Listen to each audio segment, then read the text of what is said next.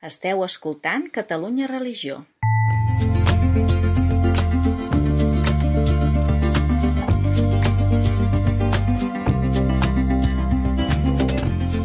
Converses en la frontera, un podcast de Gabriel Jaraba i Xavier Morlans.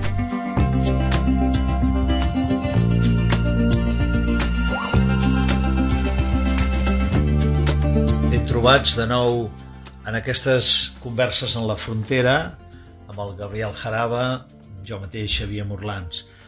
Gabriel, no et passa tu que des de que et lleves al matí hi ha una banda sonora interior, mental, que de vegades és, ostres, que pesat, quina mandra, o de vegades busca interiorment una il·lusió. Mira, avui veuré el meu net, avui tindrem... Eh, tots els humans, jo crec que tots els humans tenim una banda sonora interior, que no para, que no para, que està feta de, de veus, però que em temo que en molts casos més aviat és de tipus una mica com, com negativa, no? Eh? Allò de dir quin, quin, quina llauna, haver d'anar a treballar, i allò de fer les coses remugant, no sé. Tu què em, què, què em diries d'aquesta aquesta impressió que jo tinc, almenys, de la, de la meva banda sonora?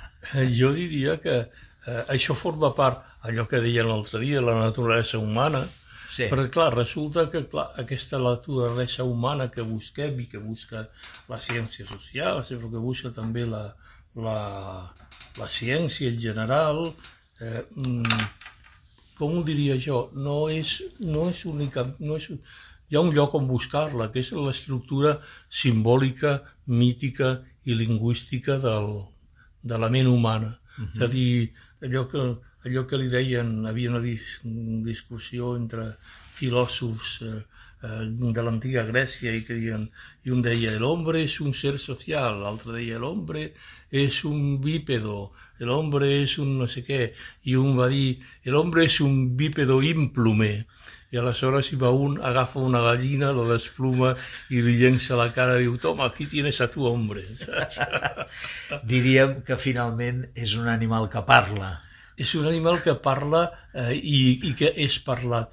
Sense, sense aquest contacte amb la parla no hi ha ésser humà. Allò que es allò del bon salvatge, la llegenda de Tarzan per la llegenda dels sí. nens llops o els nens dels nens salvatges, avui dia eh, sabem i tenim per descomptat que una criatura que hagi estat privada del contacte humà i per tant del contacte amb la paraula i amb el llenguatge de la seva infància no arriba a ser una persona eh, sencera, té unes greus mancances psicològiques mm, de desenvolupament molt important i diria jo que totes aquestes coses que preocupen avui tant de dia legítim, legítimament a mares i pares com l'autisme per exemple, sí. jo sense conèixer jo eh, sense conèixer-ho bé diria que hi ha una vinculació i una relació amb el llenguatge, la parla i la relació mm, logoica entre sí. uns i els altres. És, ens fem els uns i els altres a través de la paraula. Construïm el nostre món per paraules i malauradament podem ser capaços de construir també gàbies i presons a base de paraules vestides per nosaltres mateixos i aquest és el problema, no? Però tu, Gabriel, et passa això? Sí, sí. Que el que passa, una banda sonora Sí, el interior? que passa és que intento moderar-ho. I com has, has practicat algun mètode per... No, jo crec que el mètode simplement és com... no hi ha cap altre mètode que és ser conscient i adonar-se de les coses. Hi ha una, hi ha una mena de, de, de, de tossudesa del, de l'ego humà de construir un propi jo a través d'aquesta autoimatge que un es fa de si mateix. Mm. Jo és que sóc així, jo és que sóc molt sincera. Sí. Et diuen malament, sí, sí. quan diuen que algú és molt sincer, malament. Jo és que sóc així, jo sóc això. A veure, tot això són construccions que un es fa primer per autojustificar-se eh, i segon, doncs, per sobreviure, però sobretot perquè, perquè incorrem contínuament en el pecat més gran de tots, que és el pecat de voler tenir raó, i raó sempre, i d'aquí venen tots els altres. I jo els hi dic, jo els hi dic, home, quan diuen això, tu tens aquesta reacció de, de protestar, de sentir-te ferida, però tu també tens una intel·ligència, una voluntat per autoconèixer-te i poder intentar, és tot un treball que s'ha de fer, no? això que diu treballar-se la vida interior, per poder, diguéssim, contenir la reacció, diríem, espontània i que sigui una reacció constructiva, no? La relació espontània o, o no tan espontània, la reacció, la re reacció construïda a còpia de, de, de fomentar uns hàbits que ens resulten còmodes, Bueno. que ens resulten autojustificatius i que ens resulten reforçadors d'una imatge eh, que potser no és tan certera i potser fins i tot de vegades pot ser una imatge totalment fantasmal del que nosaltres eh, som. De fet, jo diria que una, un dels, una, una de les disciplines de la vida espiritual hauria de ser la capacitat de reconstruir aquest jo i aquesta imatge del jo respecte a bases noves que no depenguessin únicament de l'hàbit o de l'autocomplaença. I en aquest sentit, per reconstruir aquesta banda sonora que, que, ens diem a nosaltres mateixos i moltes vegades negatives, bueno, ens trobem amb, el, amb la força de la paraula, finalment, no? Clar, que és la força més potent de tot el món, més que la bomba atòmica i més que qualsevol altra cosa. És a dir, la paraula pot guarir o pot ferir. Fa molt més mal una paraula dita certerament amb mala voluntat que un ganivet, perquè la ferida del ganivet es guareix amb el temps per raons biològiques, les ferides causades per la paraula ja són figues d'un altre paner. Home, una discussió entre germans, una sobretaula de Nadal a propòsit d'una herència i una paraula, una mica animats pel cava, una paraula ofensiva, feridora, això pot ser una ferida, com dius, que costi, que costi anys, no? que costi milers d'anys. Mirem a determinats conflictes, eh, alguns ben a prop nostre, eh, anar construint-se i, retro, i retroalimentats any rere any i segle rere segle, Eh. i veus com avui dia doncs, no, no, no hi ha sortida i, i no, hi ha, no hi ha prou amb un discurs polític ni a unes mm, preteses solucions polítiques que no... N'hi ha prou en continuar la cadena de eh, les culpes a aquests, la culpa a nosaltres, perquè així t'hi tires anys, i t'hi tires dècades, i t'hi tires segles. I així mateix com una paraula pot ferir tant, que duri segles, com tu dius, recordo una obra de teatre que m'encanta, La barca sin pescador, de Alejandro Casona. Eh? I quan hi ha un que diu, diu, diu mai, mai havia cregut que una sola paraula tingués tant poder, i és la paraula perdó. No? Exacte. La paraula perdó. Que és la paraula clau. Et perdono. Et perdono. Ostres. Et perdono, no perquè jo sigui eh, magnànim ni perquè et faci un favor, sinó perquè és l'única sor- sortida racional que hi ha. El perdó, eh, en aquest món de mones eh, modern que hem construït, on tothom, eh, en lloc de ser el rei mm, que ha vingut a servir als altres, Ahà. eh, es creu que és el rei al qual tothom ha de, ha de, ser, ha de, ha, ha de servir. Ha de servir. Ha de servir. La paraula perdó és el que... I, i d'aquí jo crec que la seva centralitat amb el cristianisme. A veure, jo diria tot això que parlem, eh, la paraula és fonamental i central amb el cristianisme. Si hi ha una cosa que distingeix el, el cristianisme de les altres tradicions religioses del món o d'altres religions constituïdes com a tal, és, són justament dues coses, la paraula i el perdó.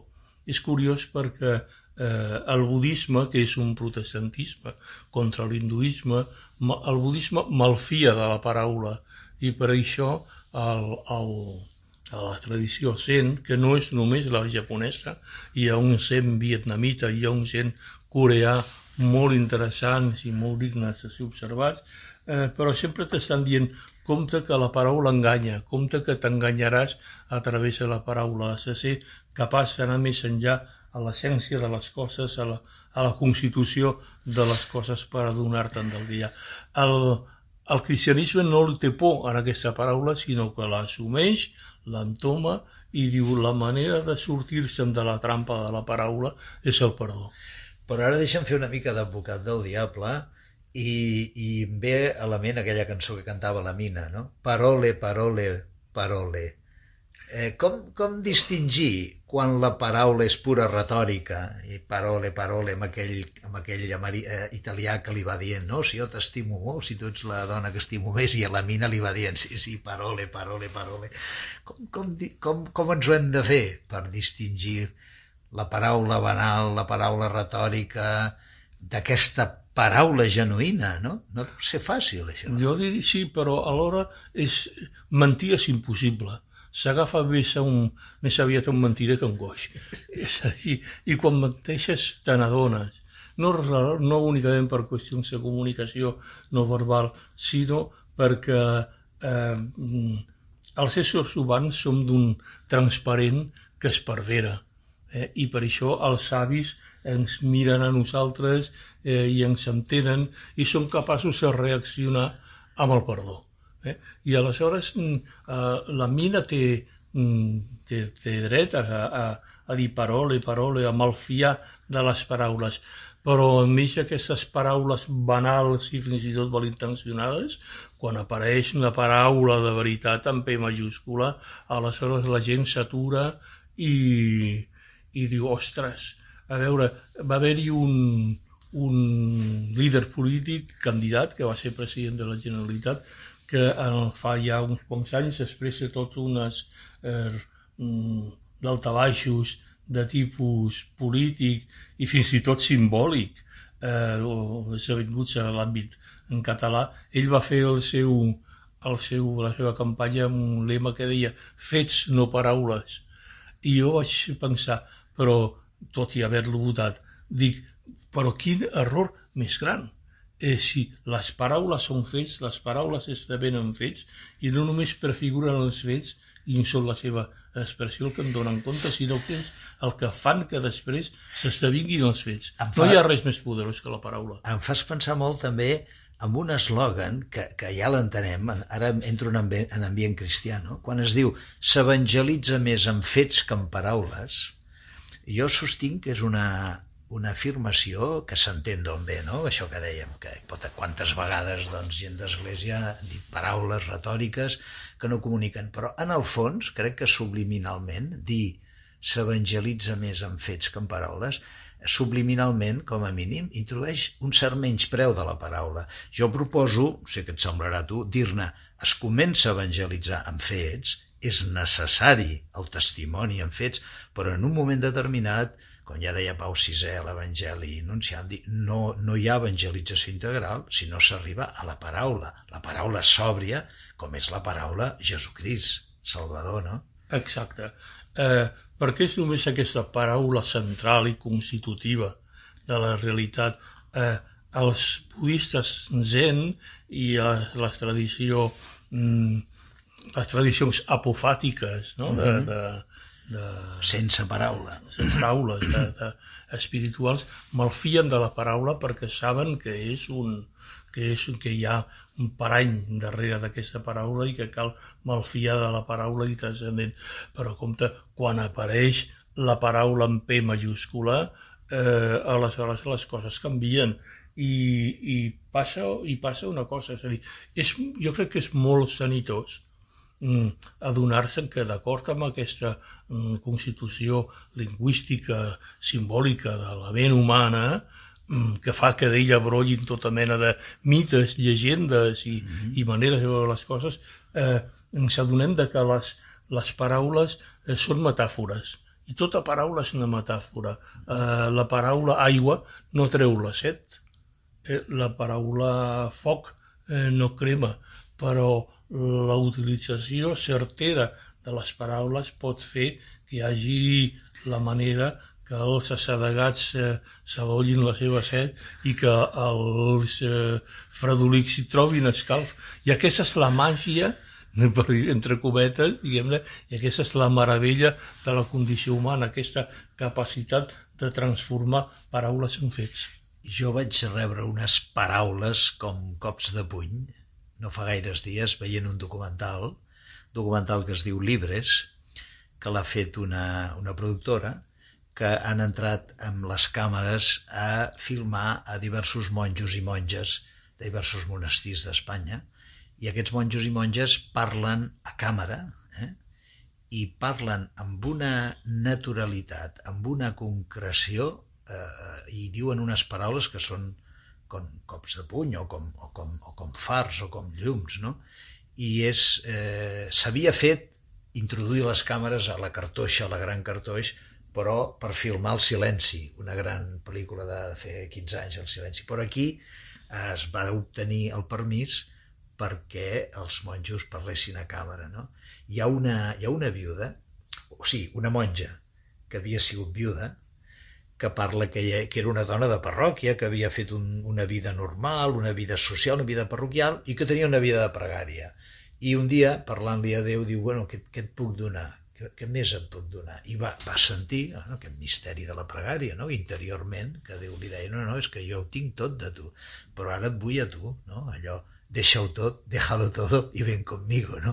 I la, la, la viuda li diu, però escolta, però amb un, amb un diàleg interior amb Déu, no? Però si jo tinc, tinc, tinc, tinc els fills, els fills, diu, ja estan grans, i els nets, els nets ja estan grans, no? I diu aquella dona, diu, a més amb un castellà de Burgos, diu, diu, le vi tal cariño en la mirada al Senyor que no pude decir que no. Uh, és, és, és molt creïble.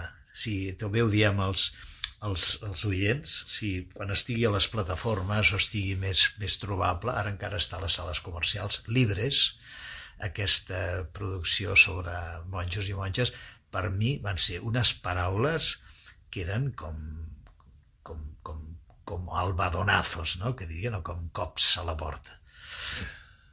Clar, és que és molt curiós perquè una, un, un, un exercici tan, tan clar, tan límpid i tan directe i tan certer de la paraula només ho pot fer aquell que sigui molt entrenat amb el, amb el silenci, no? Uh -huh. Clar, és a dir, per tant, aquesta, diguem-ne, xerrameca interna que tenim, que intenta construir un jo que de vegades doncs, és enganyós, com a mínim, eh, ha de passar pel silenci i d'aquí la importància de les pràctiques meditatives, contemplatives a la vida quotidiana dels eh, éssers humans eh, comuns i corrents.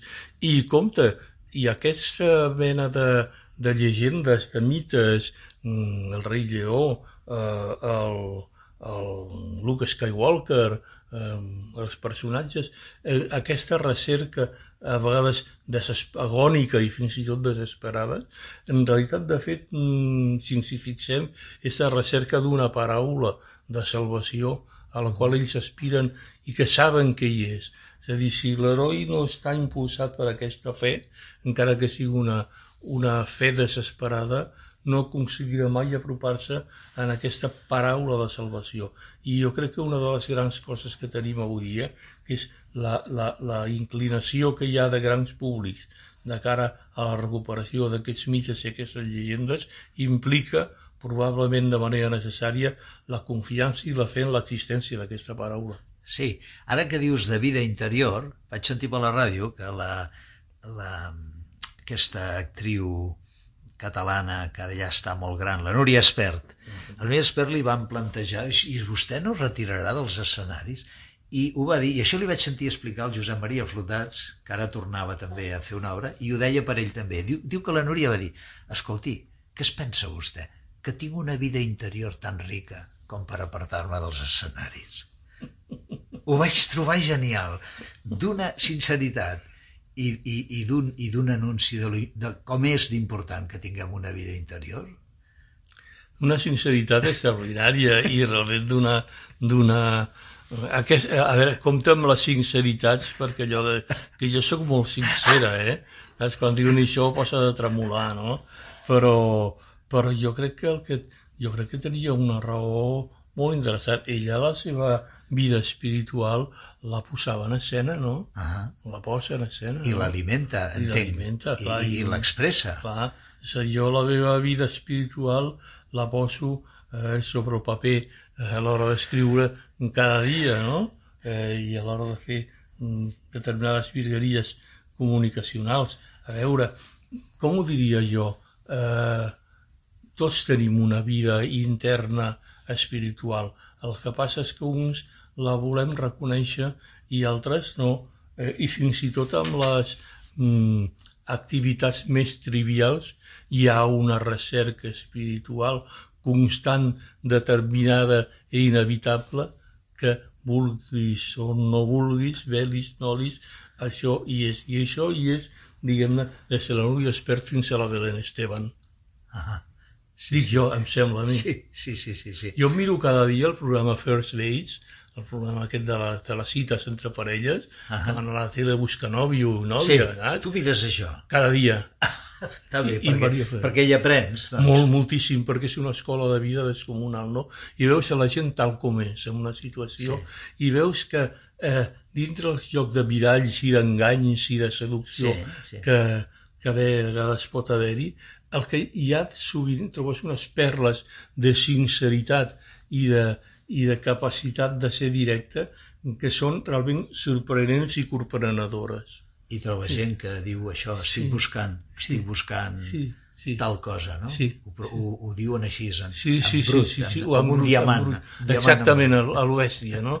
I clar, que, clar eh, allò que dèiem, eh, hem, per, per fugir de l'opressió eh, hem permès que se'ns desarbolés simbòlicament. Sí. Se'ns ha deixat reduïts al no-res als pobles, sí. als pobles d'Espanya.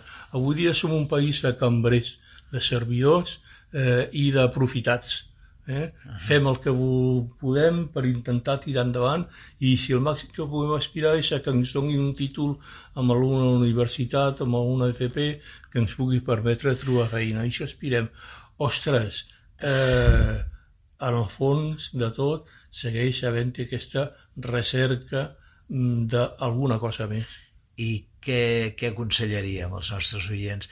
Com, com reneixer, com retrobar una mirada simbòlica, és a dir, una mirada, perquè el símbol és una realitat física o audible que evoca, fa present una realitat no directament visible o audible, no?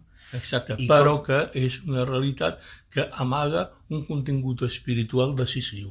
Correcte, correcte. Llavors, com educar-se, com reneixer, a, a tenir aquesta capacitat de llegir el vent, l'aigua, el foc, una música, un quadre, una sèrie, una conversa, i, i, i no quedar-se en la pura materialitat, sinó ser capaç de, de, de, de copsar o deixar-se copsar per una crida, per un, per un missatge, per una vocació que té, que té a veure amb allò més fonamental de la vida.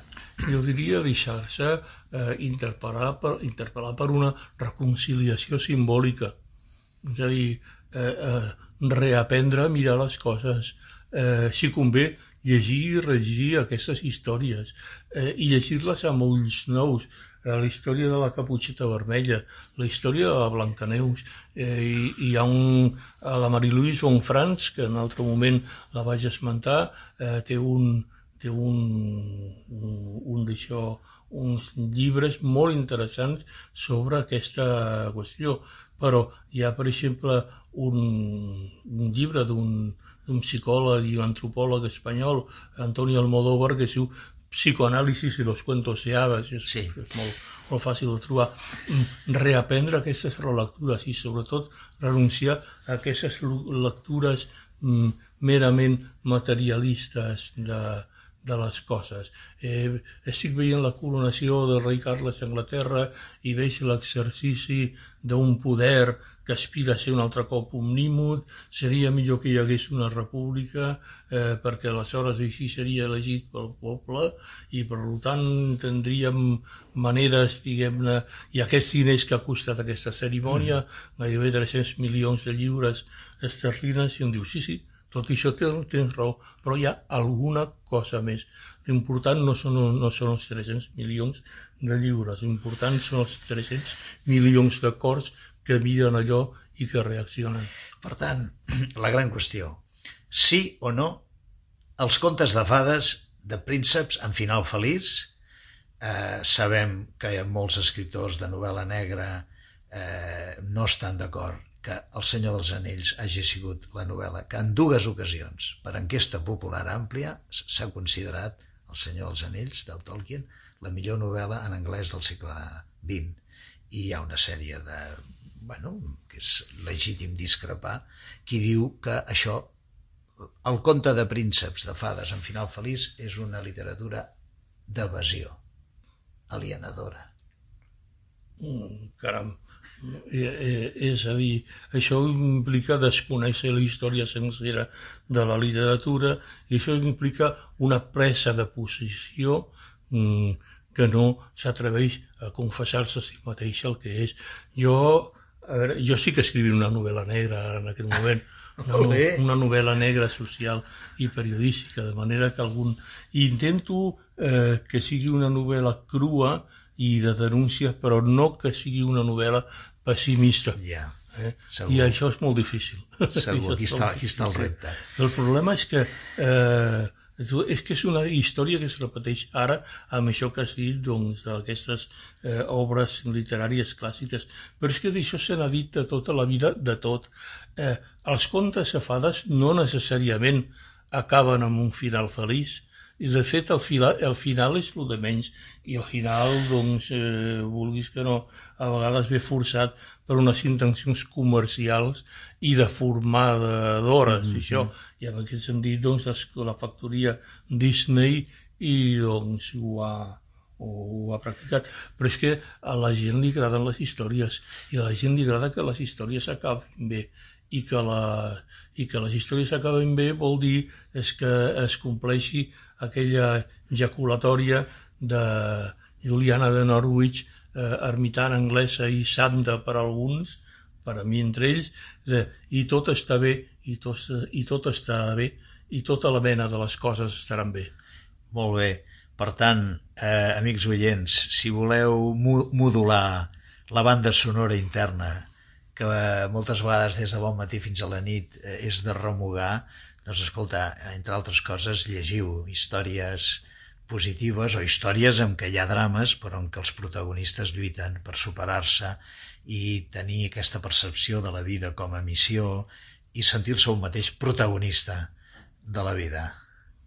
I tant que sí, perquè eh, mentre triomfen el Senyor dels Anells i això que no agrada tant a aquests escriptors, eh, qui se'n recorda avui dia d'aquell lema dels Sex Pistols, No Future, i del moviment punk, i, eh, i com, i quin ha estat el recorregut que ha fet doncs, de, de portar tot un sector de la joventut a ser un nou lumpen proletariat?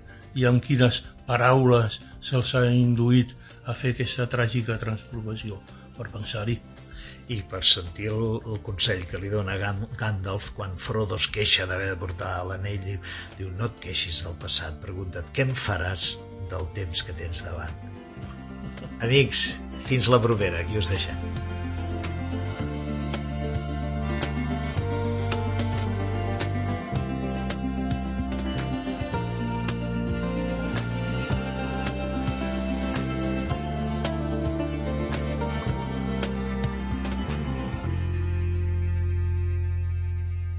Catalunya Religió